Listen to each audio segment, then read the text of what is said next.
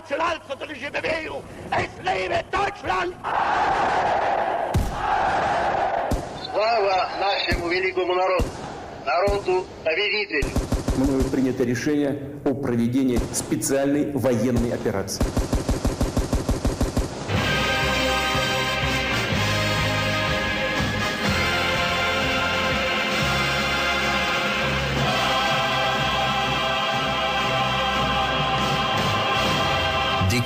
Diktaatorid.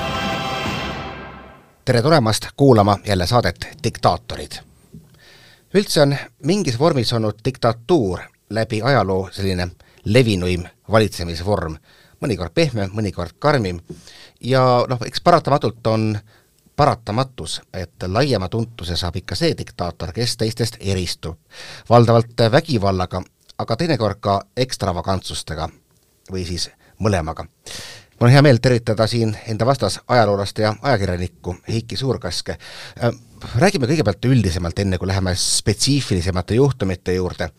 kuidas sina dikteeri-, defineeriksid diktaatorit, sest et noh, ükski inimene ei suuda ju lahendada üksinda, isegi kui ta arvab, et ta on jumal, kõiki riigi probleeme, ta ei saa üksinda valitseda, tal on vaja oma nõunikud, tal on oma mingisugune struktuur, kes või ikkagi on just see inimene, keda saab nimetada diktaatoriks et tervist ka minu poolt siis. Eh, jah, et millega diktatuuri, ütleme, diktaator on teatavasti antiikaja termin, mis oli nagu Rooma riigikorra sisse ehitatud ja see oli, ütleme, eh, teatud sõjaline funktsioon, aga, aga samas ka riigihalduslik eh, ja tollasest ajast eriti praeguseks midagi võtta ei ole, see võib-olla diktaatori kultus mõnes mõttes siiski juurdub ka sealt et Julius Caesarit on läbi aegade imetletud, äh, Napoleon Bonaparte'i on läbi aegade imetletud, äh, kuni sinna välja, et see evolutsioon, mis seal toimus, oli üks, äh, teatavasti absoluutne monarhia on tõesti ka üks diktatuuri vorme, aga tänapäeval, kui me räägime sellest, et rahvas on praktiliselt igas maailma riigis saanud õiguse endale valitsejaid valida, siis tänapäeva diktaator tähendab seda, et keegi on äh, ebaseaduslikult võimu enda kätte saanud, ebaseaduslikult seda võimu enda käes hoiab, äh, kasutades selleks kõiki võimalikke ebaseaduslikke meetodeid. Äh, ja tänapäeva mõttes siiski kuigi absoluutne monarhia Saudi Araabias eksisteerib edasi, siis tänapäeva mõistes diktaator tähendab siiski seda, et tegemist on inimesega, kes on äh, rahva arvamustest mööda minnes võimule saanud ja üritab seda võimu hoida kõikide küünte ja hammastega. no näiteks võtame praegu Vladimir Putini. ta ei tulnud ju võimule rahva arvamusest mööda minnes, aga teine definitsioonipunkt, et üritab, üritab hoida iga kümne küünega, vastab tõele no see, kuidas Jeltsin selle võimu üle andis, ega see nüüd rahva käest keegi küsinud, et selles suhtes kõik hilisem on nagu valimised olid siiski pigem lavastatud asjad, et nagu see Venemaal see lavastamise meetod ja põhimõte on läbi aegade edasi kestnud ja et nagu vabu valimisi Venemaal tegelikult pole kunagi olnudki, et see üheksakümne kolmas aasta, mis oli äh, tegelikult Venemaa vabu, vabade valimiste kogemus sellega piirdus ja, ja kõik edasine on jälle vanas, vanas inertsis tagasi. Eh, võimu legitimeeritakse lavastustega, võimu hoitakse vägivallaga, võimu, võimu antakse edasi ainult siis, kui eh, jalad ees minnakse, kui teisiti öeldes, kui on mingi vahepeal konstitutsioon sunnib, siis pannakse ajutiselt keegi teine pukki ja et peaasi, et diktaatori võimu keegi ei kõigutaks, et, et, et kui juba keegi võimu on kätte saanud, siis ta seda võimu käest ei anna, sest ta arvab, et see võim on temale sisse kasvanud. nii et Venemaa läks tagasi diktatuuri teele juba aastal üheksakümmend kuus, kui Jeltsin uuesti tagasi, no ikkagi valiti äh, võib-olla küll jah, et nagu selles suhtes äh, juba siis uuriti tõsiselt valimisvõltsingute võimalust Venemaal, et siis, äh, siis veel võltsisid äh, enamasti kommunistid iseenda kasuks koha peal, kohapealsetes ringkondades, aga alates Putinile võimule tulekust eh, ma ütleks, et siiski Venemaa valimised ja ka avaliku arvamuse küsitlused eh, tegelikult ei, pruugi näidata tegelikku pilti üleüldse, et kui rääkida, et su-, Putin on olnud suur populaarsus ja Putin on suure populaarsuse najal ära valitud, ma, mina selleks pead ei annaks, et eh, tõenäoliselt mingil hetkel teatud diktaatorid saavutavad ka sellise inertsi ühiskonnas, kus rahvas valib ta võimule tagasi ükspuha, kas tahab või ei taha, aga aga antud juhul ma siiski ei näe, et tegelikult Putini populaarsus saaks olla selline, nagu väidetakse. Pigem oleme tagasi samas olukorras nagu Stalini ajal, et isikukultus hoiab võimu edasi ja avalik meedia on täielikult võimu kontrolli all ja selles olukorras nagu teistsugust arvamust ei kuu-, ei pääse üldse löögilegi. Venemaal on see küll suhteliselt müsteerium, sest teine arvamus on ju kogu aeg ruumis olemas olnud, aga see ühiskonna inerts nagu viis sinna tagasi, et seda teist arvamust järjekordselt eiratakse, nii nagu Nõukogude ajal eirati kogu seda läänelikku maailmapilti. nojah, et eriti kehtib selliste suurlinnade kohta, kus ilmselgelt näiteks Moskva on korduvalt ju demonstreerinud, et nad, nad ei hääleta selle võimu poolt. aga jätame praegu nagu Venemaa kõrvalegi, et mis on need jõuhoovad, mis hoiavad diktaatoreid võimul, et noh, ma kujutan ette, sa tavaline inimene, kes on ka harjunud või saanud mingisugusegi demokraatia kogemuse, ta tahaks ikkagi, et teda esindaks inimene, kelle suhtes tal on vähemalt formaalselt mingisugune sõnaõigus. ja järsku on keegi, kes jagab ülevalt korraldusi, et noh, ta peab kuidagi suutma seda ennast seal hoida nii, et kriitiline hulk rahvast ei tuleks teda, ta maha võtma? no sellist kriitilist hulka rahvast on päris raske mobiliseerida, eriti kui sest absoluutne enamus ühiskonnast kuulub nii-öelda vaikivasse enamusse, kes nagu eh, omaenda mugavustsoonist välja ei taha tulla ja kes lihtsalt üritab eh, toime tulla nii kaua, kui vähegi suudab, ilma et peaks hakkama ise nagu vaeva nägema, et see see nagu ühiskonna laiskus on nagu üks põhjus, miks seda diktatuuri võimaldab tekkida või kujuneda teine võimalus on muidugi asi, on see ideoloogiline fanatism, mis nagu eriti Nõukogude ühiskonnast kaasa kas-, kasvas, mida me näeme nii Putini, Lukašenka taga, kõikide Kesk-Aasia, ka Lähis-Ida diktaatorite taga, et see fanatism, ühiskondlik fanatism, mida üritatakse tekitada mingi ideoloogiaga, mis nagu toetaks seda diktaatori arvamust, sest kõik teised arvamused on valed ja te, kõik teised arvamused tuleb vägisi maha suruda. et see, see inerts nagu Venemaalt, Venemaal eriti, aga ka paljudes teistes riikides, me teame, et Nõukogude aja kõrval või öelda nii-öelda ülevoolamisena on ikka kogu kesk, kogu Lähis-Ida ju tegelikult eh, kõiksuguseid diktaatoreid ja untasid täis siiamaani. Ja demokraatia kehtestamise sellistes piirkondades eh, eh, võib-olla Araabia aja demokraatia on võimalik, võib-olla ei ole, aga igatahes see nõukogudeaegne inerts ja nõukogudeaegne lääne vastasuse õhutamine, eriti Iisraeli vastasuse õhutamine, mida Nõukogude propaganda väga tugevalt Lähis-Idas juba kuuekümnendatest peale surus, et, et see asi tegelikult eh, toidab asja tagant, et eh, inimesed arvavad, et ei saagi olla mingit vaba, vaba demokraatiat, sest vabadust ja demokraatiat esindavad vaenlased. aga võtamegi e-, ette need piirkonnad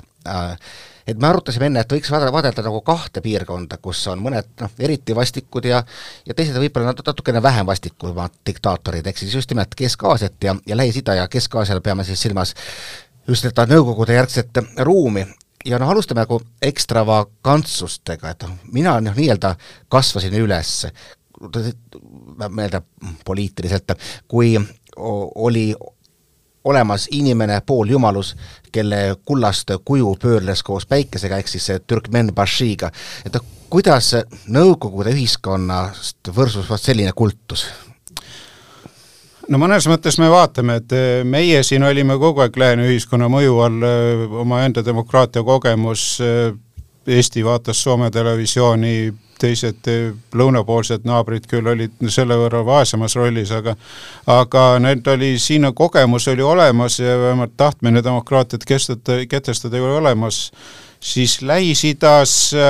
no Iraanis ja Türgis aeg-ajalt on lained ju üle käinud, aga aga see mõju sealt Venemaa Kesk-Aasiasse ju kunagi ei jõudnud ja, ja ütleme, nõukogudeaegne teatud seal kaheksakümne kaheksandal, üheksandal tulid lood, kuidas Usbekistanis on sisuliselt orjus siiamaani kolhoosi korra varju sildi all. et eh, selles, sellel taustal, kus igasugune demokraatia kogemus puudus, eh, ütleme, vabanemine üheksakümne esimesel aastal tuli kuidagi ootamatult, äkitselt, eh, siis kõik need kohalikud valitsejad üritasid lihtsalt leida, leida lahenduse, kuidas selles uues olukorras kehtima jääda mõnel pool nad liidrid küll vahetusid, aga uued liidrid asusid kohe kehtestama ennast eluaegsete presidentidena või siis niimoodi igavesti korduvvalimistega presidentidena, kellel nagu võimu absoluutselt keegi ei kõigutaks. et äh, see äh, Türkmenbaši oli üks, üks äh, äärmus, Nazarbajev võib-olla oli teine äärmus Kasahstanis et, et selles mõttes, et pigem nagu selline valgustatud monarh pigem valgustatud monarhia, siis vist Kir-, Kõrgõzstan oli nagu see, kus demokraatiat kõige rohkem üritati kehtestada, aga see viis kohe vägivallakeeristeni, mida te võib-olla teatud organid ka tagant õhutasid, aga aga jah, see vägivald, mis sinna kaasas, aitas omalt poolt kaasa sellele, et nagu üks valitseja sai võimule ja sellega, et kõik teised ära peksis, minema ajas. et see asi seal kujunes jah, kuni Kõrgõzstan uuesti hakkas äh, uuesti ärkama, uuesti nagu lahti rabelema, et Usbekistanist sai ju täielikult despoot ja Türkmenistanis sai äh, isakese kultusega täielik despoot ja ütleme, Põhja-Koreaga võrreldav äh, jah, et see Tadžikistan ja Kõrgõzstan olid natuke teistsuguse liini esindajad, aga, aga see lõpptulemus oli ikka üks ja sama, et nagu demokraatiat seal kehtestama ei ole saanud hakata, mitmeparteilist demokraatiat on aeg-ajalt proovitud, aga, aga kui hästi seegi toimib. Täna me näeme, et Kasahstanis pandi nii-öelda uus reformerist liider, kas, kes korraldas juba teise massimõrva kolmekümne viie aasta jooksul, et et selles suhtes äh, sa võid rääkida, et despoot, diktaator võib esitleda, et suure reformistina, aga kui ta tegelikult äh, mõtleb nii, nagu ta mõtleb ja käitub nii, nagu käitub, siis tulemuseks on see sellise tuhandete inimeste hukkumine, mitte, mitte mingi vabanemise või demokraatia kehtestamine. no kui me rääkisime Usbekistanist, siis seal oli Islam Karimov, kelle valitsemisaja kohta tulid ju teated, kuidas äh, poliitilisi teisitimõtlejaid elusalt keedetakse ja nii edasi, et tema oli selline puhas ikkagi Nõukogude produkt. No nad on kõik ju Nõukogude produktid selles suhtes, et kesk, Nõukogude Kesk-Aasia Nõukogude võim kehtestas end seal sisuliselt lõi ju need riigid nullist üles, et nagu see riiklik identiteet seal taustal puudus, et äh, Bukhara ja Hiiva ja nende identiteet ju likvideeriti täielikult, et et selles suhtes need on kõik Nõukogude produktid, kogu need riiklik, riiklikud moodustised seal, ma võin öelda julgelt sellise terminiga, ütleme, seal mõnel puhul loeb küll siiski rahvuslik kuuluvus, et selles suhtes ta päris kunstlik moodustis ei olnud, et türkmeenid on ikka türklased ja usbekid on ja tadžikid on ikka omaette ja siis ja, ja nende huvid põrkuvad Fergana orus kuskil, koos on? jah, Fergana orus huvid põrkusid, Fergana orus ilmselt keegi ka provotseeris, et need asjad veriseks läheks, Sumgait Aserbaidžaanis samamoodi, et nagu siiamaani tõestajat KGB seda tegi, aga, aga väga suur tõenäosus, et mingisugune provokaator seal mängus olid, kes selle asja teravaks ajas. aga, aga jah, et see konfliktid on võimaldanud see, need despoote kehtestada, despootiaid kehtestada, nagu ta on aga praktiliselt ainuke võimalus, et seal demokraatiat kehtestuks, on siis, kui tekiks mingi teine jõud, kes diktaatori eest ära lööks ja kui ta ise samasuguseks uueks diktaatoriks ei kujune nagu äh, vist Armeenias on praegu umbes samasugune olukord, et demokraatiaga võimule tulnud mees on praegu umbes ise samasugune. et, et olukord praegu ma ütlen, mitmeparteiline demokraatia selles suhtes mitte küll täielik demokraatia, aga nagu mitmeparteilised valimised sellistes riikides on võimalik siis, kui diktaator kukub. aga niikaua, kuni diktaator on võimul, nii kaua inimesi elavalt keedetakse, see asi ei ole sugugi väljamõeldus ja naljaasi, et täpselt samasuguseid lugusid on sisuliselt Liibüa ja isegi Egiptuse vangilaag- või nii-öelda luure või selle julgeolekustruktuuride vangilaagritest kuulda olnud, et et ülekuulamistel ikka inimeste kehaosasid ei säästeta ja keeva veega ülekallamist, seda ilmselt esineb nii mitmeski riigis, on eriti, eriti just sellistes, kus nagu vabaduse ja demokraatia kogemus siiamaani täielikult puudub aga vaatame korraks ikkagi sedasama Kesk-Aasiat, et üks riik, nagu sa ka tõid välja, on eristunud, see on Kõrgõzstan, mitu revolutsiooni järjest, et see näitab, et see ei ole nagu eriomane sellele regioonile, et peab, ta peabki olema määratud elama diktatuuri all. jah,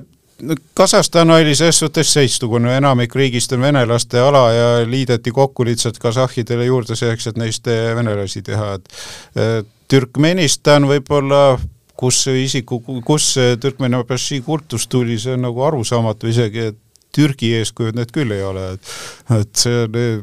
Põhja-Korea ootsani eeskuju kuidagi, ma ei tea, Hiina mõjud või? Et kes seda, kuidas seda asja sealt üldse niimoodi tekitada sai, aga sest Iraan ju ka tegelikult on suhteliselt, isegi Iraan on suhteliselt demokraatlik võrreldes kõigi nende põhjanaabritega, et et isegi sealt peaks ju vabaduse tuhinat natuke rohkem sisse tulema, aga, aga paistab, et no seda, et nüüd rahvas seda Türkmeni-Bašiid armastaks, seda ma nüüd küll ei usu aga, aga ikka, ikkagi kirgiisid, et noh, nad on selle ikkagi mingisugune noh, teistsugune mm, mm, rahvas. jah, seda ma ei oska ausalt öeldes siin seda seletada, et nagu see erinevate rahvaste jah, ma ei oska ausalt öeldes seda seletada, miks Kõrgõzstan suutis nagu vabamaks jääda, et võimalik, et seal on ikka nagu, saavad ikkagi nii-öelda konkreetsete erinevate klannide balanss, mis äh, ei olnud nagu monoliitne, et no kui me vaatame mingisugust Kesk-Aasiat, ütleme Afganistan või selle naabrid, et mingi hõimudemokraatia on ju tegelikult kogu aeg eksisteerinud. et nagu selles suhtes Nõukogude võim tegeles ka selle võimu, hõimudemokraatia likvideerimisega igal pool, et eh, võib-olla siis Kõrgõzstanis jäi see asi natuke rohkem püsima kui mujal. niimoodi, ja vaatame nüüd teist regiooni, millest me oleme juba mitu korda ka, ka või mida oleme põgusalt puudutanud, ehk siis eh, Lähis-Ida. no kui küsida, et noh, Lähis-Ida, despoote või siis diktaatorid äh,, tuleb kohe, kohe kaks nime, Saddam Hussein ja siis Muammar Gaddafi, et kui palju neil, neil ühist on? Ühist on neil tegelikult väga palju, et nagu ütleme, lähme kõigepealt Egiptusse, et äh, Kamal Abdel Nasser tuhat üheksasada viiskümmend kaks tuli võimule, viiekümne kuuendal aastal tekitas Suessi kriisi, et pani Suessi väina kinni. see oli niimoodi, et äh, tõenäoliselt Nasser tuli veel omal teel võimule, aga siis avastas Moskva, et äh, on vaja seal väga tugevalt liitlasi looma hakata. Ja ja siis alates viiekümne kaheksandast me näeme, et Süürias, Iraagis, igal pool hakkasid nagu tekkima kui mingisugused sõjaväelised diktatuur, sõjaväelised riigipöörded, igasugu huntakesed, mis kohe hakkasid Moskva poole vaatama, Moskvat tuge otsima et sa viitad, et see oli kuidagi initsieeritud äh, Kremli poolt? Äh, mina väidan, et see on väga otseselt initsieeritud, äh, ütleme, rahalisi kanaleid on võimatu tõestada, sest Venemaal oli muidugi agente igal pool, rahakotti, raha kohvrid täit rahaga, käidi ringi igal pool, äh, seda raha tõestada on ju võimatu, aga, aga kuidagi väga palju hakkas ühel ajal tekkima Moskva-meelseid despoote. ja, ja selles suhtes äh, räägivad ju küll, et revolutsiooni teevad, võib-olla mingi revolutsiooni tahe oli, aga samas me näeme, et nagu Nõukogude moodi seda sotsialismi seal ka keegi kehtestama pole hakanud, et selles suhtes pigem olid inimesed, keda oli võimalik ära osta, et, et võtaksid poliitilise suuna Moskva poolt.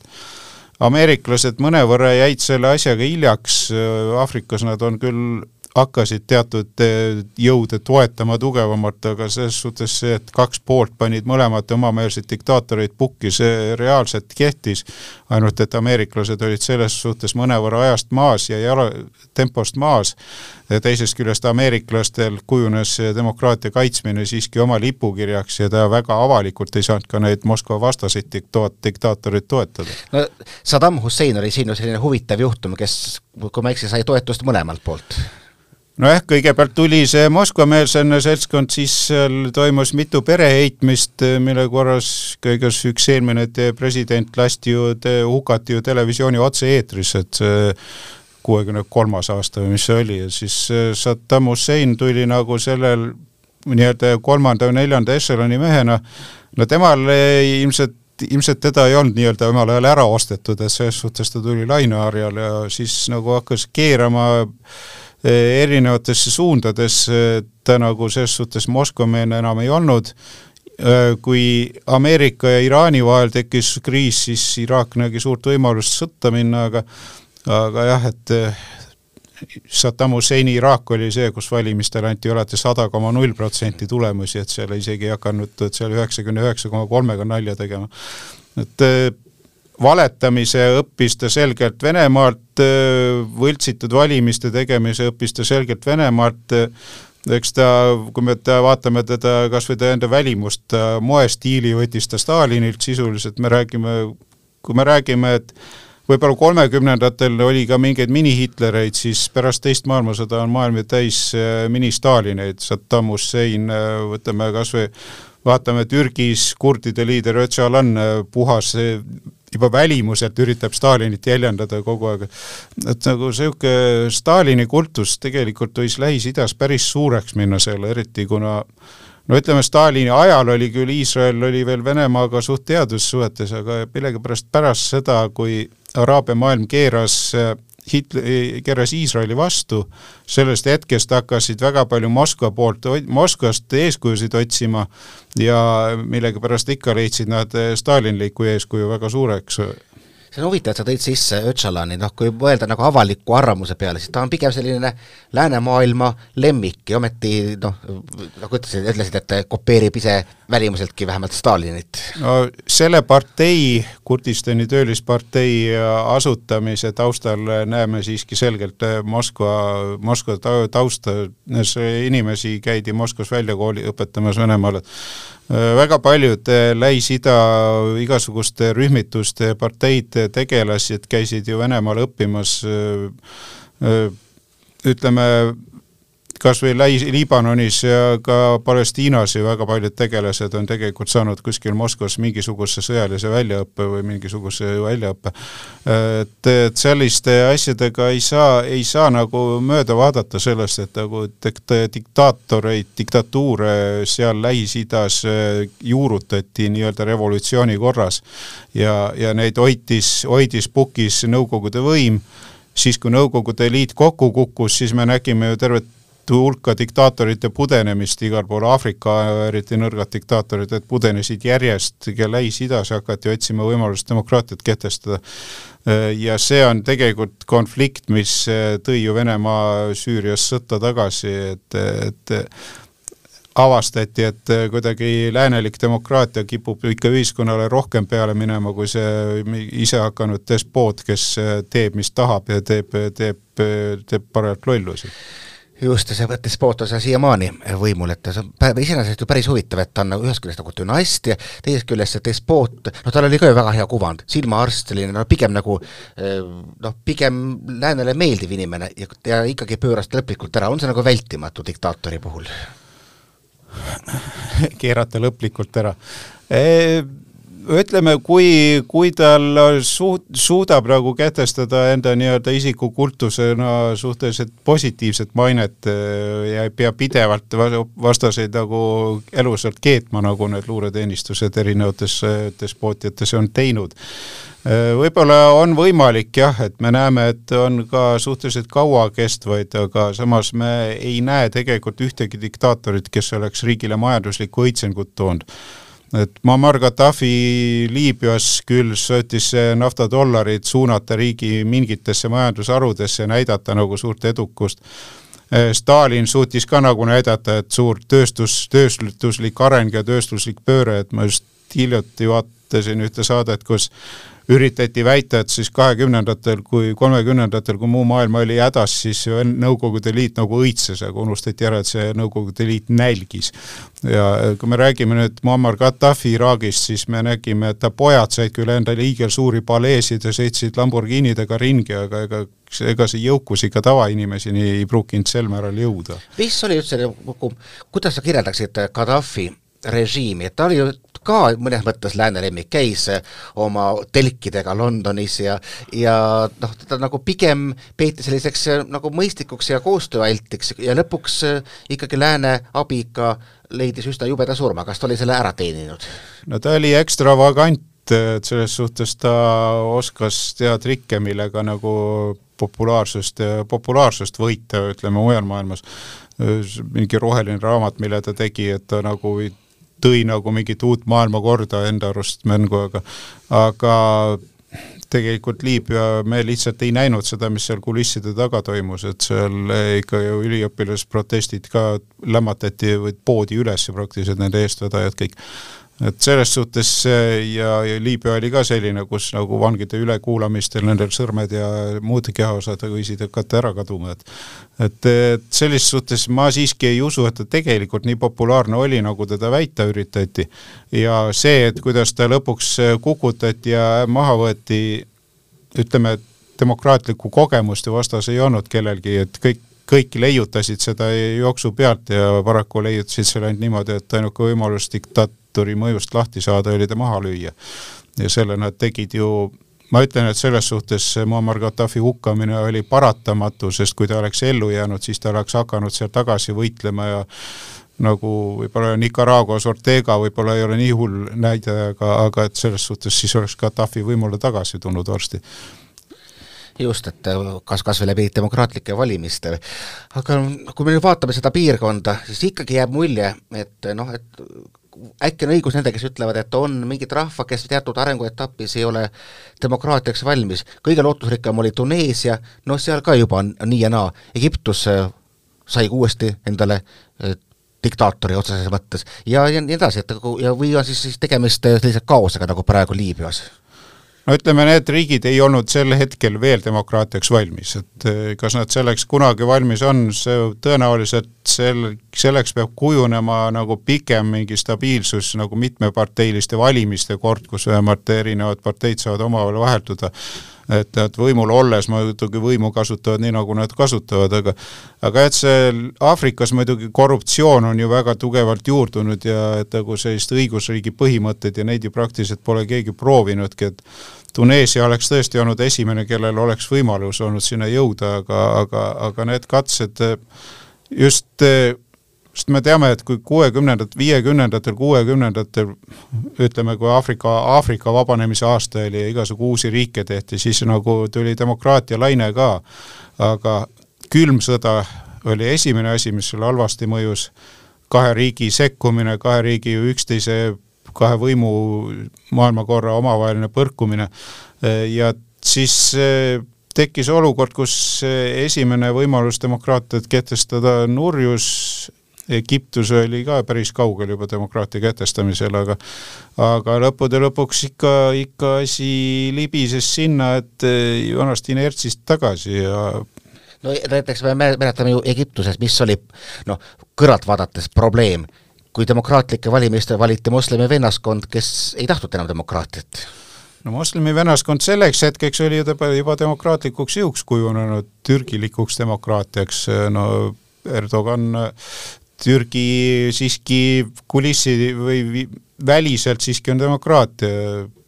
ta on küll libisenud autokraatiasse, aga ta on siiski, demokraatlikud valimised on olemas, võimu vahetamine demokraatia teel vähemalt teoreetiliselt on siiski võimalik. no vähemalt kohalikul tasandil, kas või Istanbulis, nii et see on jah, tõesti, et aga jah, see, mis pigem seal Araabia kevade taustal mängu tuli, oli ikka jälle see kulisside tagune rahastamine ja nagu Liibüas ju Moskva on tootnud endale uut diktaatorit, kes oleks valmis nende huvidest tegutsema ja võimu haarama, Egiptuse president Sisi ju, ega ta sisuliselt ka midagi muud ei ole, et keegi on talle kuskilt raha peale maksnud, et ta nüüd võtaks sellise kursi ja hakkaks keerama riiki tagasi kui me vaatame neid kõiki piirkonna riike, meil on käinud korduvalt läbi nimi Iraan, mis noh, on pinnuks silmas ilmselt nii lääne poolele kui ka, kui ka Kremli poolele, et mis, mis rolli mängib Iraani praeguse režiimi eksistents sealse piirkonna demokraatia püüdlustes? no islamirevolutsioon oli üldse omaette asi, et nagu monarhia üritas seda jõuga maha suruda, islamirevolutsiooni võit oli siiski demokraatia võit vormiliselt, kuigi ta, kuigi ta tõi, tõi teokraatliku riigi kehtestamise ja uute teisitimõtlejate mahasurumise. et selles suhtes Iraan on tõesti omapärane riigikord, ütleme, kuigi tal on kõrge usuliider, siis see ei käitu nagu päris diktaator, vaid ta nagu moraalne liider, aga ja Iraanis on nagu reformistide ja liberaalid või reformistide ja vanameelsete konflikt ja vahetumine pidevalt olnud ja nendes suhtes selle võimusüsteemi sees siiski mingi võimuvaheldus on olnud, olnud ja olemas. Et eh, võib-olla Iraan mingis määras, eh, mingil määral saab seal mingiks eeskujuks olla, aga, aga islamidemokraatia on siiski midagi teist kui päris demokraatia ja ja ütleme, päris eh, islamiriiki siiski demokraatiaks vist päriselt pidada siiski ei saa aga võtame otsad kokku, kas noh, on maailmas mingi piirkondi, mis võiks olla tänaseks juba ikkagi diktaatorite vastu immuunsed, et kui me vaatame kas või, võtame, võtame Euroopa, võtame Ameerika Ühendriigid, ikka lääne, läänebloki, no meil on ka siin riike, mille puhul nagu Ungari, kus on tavaks rääkida autokraatiast, teised, teised sellega ei nõustu äh,, Ameerika Ühendriikides tuli ka vahepeal president oma hu huvitavate instinktidega, aga üldiselt on demokraatia kui selline ikkagi pigem vastu pidanud, kui, kui suurt ohtu me, meie peaksime siin tundma, jätame kõrvale jätame kõrvale praegu võimalus, et tuleb äh, välisinvasioon ja kehtestatakse mingi riigikord? no me teame, et need riigikorra kehtestamised on kõik halvasti lõppenud, et Saddami kukutamine Iraagis lõppes islamiriigi võidu, võiduga vahepeal. et selles suhtes kogemused nii-öelda režiimivahetuse osas on väga negatiivsed, et äh, võimuvahetus peab toimuma nagu evolutsiooni või kohaliku, kohaliku arengu käigus, aga mitte, mitte nagu, mitte nagu pealesurutuna, et et vahepeal küll paistis, et Lõuna, Lõuna-Ameerika on diktaatoritest lahti saanud lõplikult, aga siis, siis jälle tulid Chavez ja Maduro ja äh, kelle puhul näeme, näeme jälle ühe riigi väga kindlat sihilikku tegevust seal Venezuelas eriti, et kus Venemaa hakkas sinna päris Wagneri, Wagneri sõdureid juba sisse saatma ja et nagu kõik, et et antud juhul jälle on üks teatud võimukese, mis üritab seda diktatuuri peale suruda maailmale ja see kas me näeme või ei näe, kust ja kuidas need niidid tõmmatakse, aga paratamatult, et Hiina on loonud oma, Aafrikas on äh, uusi despootiaid looma hakatud Hiina, Hiina otsesel mahitusel Venemaa on olnud suhteliselt nõrk, aga, aga siis vaatame praegu Liibüa, Egiptus, Süüria, Venezuela, äh, veel mingeid liidreid, kus äh, väga avalikult on nagu keegi kuskilt tagant õhutanud, et nad hakkaksid nagu demokraatia vastast nagu mässu tegema. no ikkagi Euroopa, no kõige, kui ma mõtlen nagu sellise nii-öelda vabale Euroopale jätame kõrvale Valgevenet ja need, mis on otseselt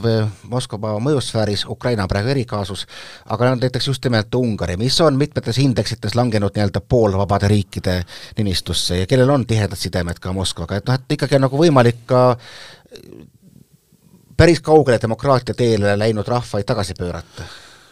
Nojah, see Ungari on, Ungari on natuke õnnetu juhtum, et kunagi revolutsiooniline jõud on muutunud autokra-, muutunud diktaat-, kultuuri tööriistaks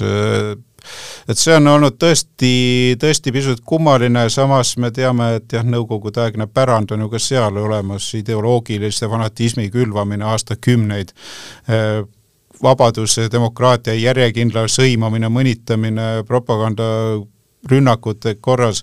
et selles suhtes Viktor Orban, äh, ma näen siiski, et tema kunagine komsomolisekretäri roll võib-olla annab ikkagi tooni, et nagu mingi vana, vana inerts tuleb inimese kõrvade vahelt kuidagi varem või hiljem välja, et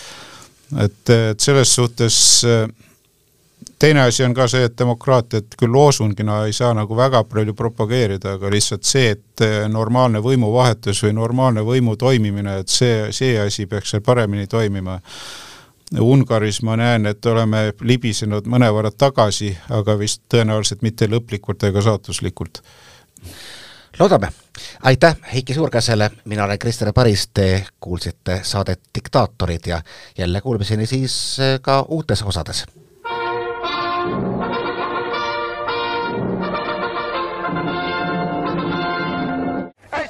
die nationalsozialistische Bewegung! Es lebe Deutschland! Слава нашему великому народу, народу победителю! Мною принято решение о проведении специальной военной операции.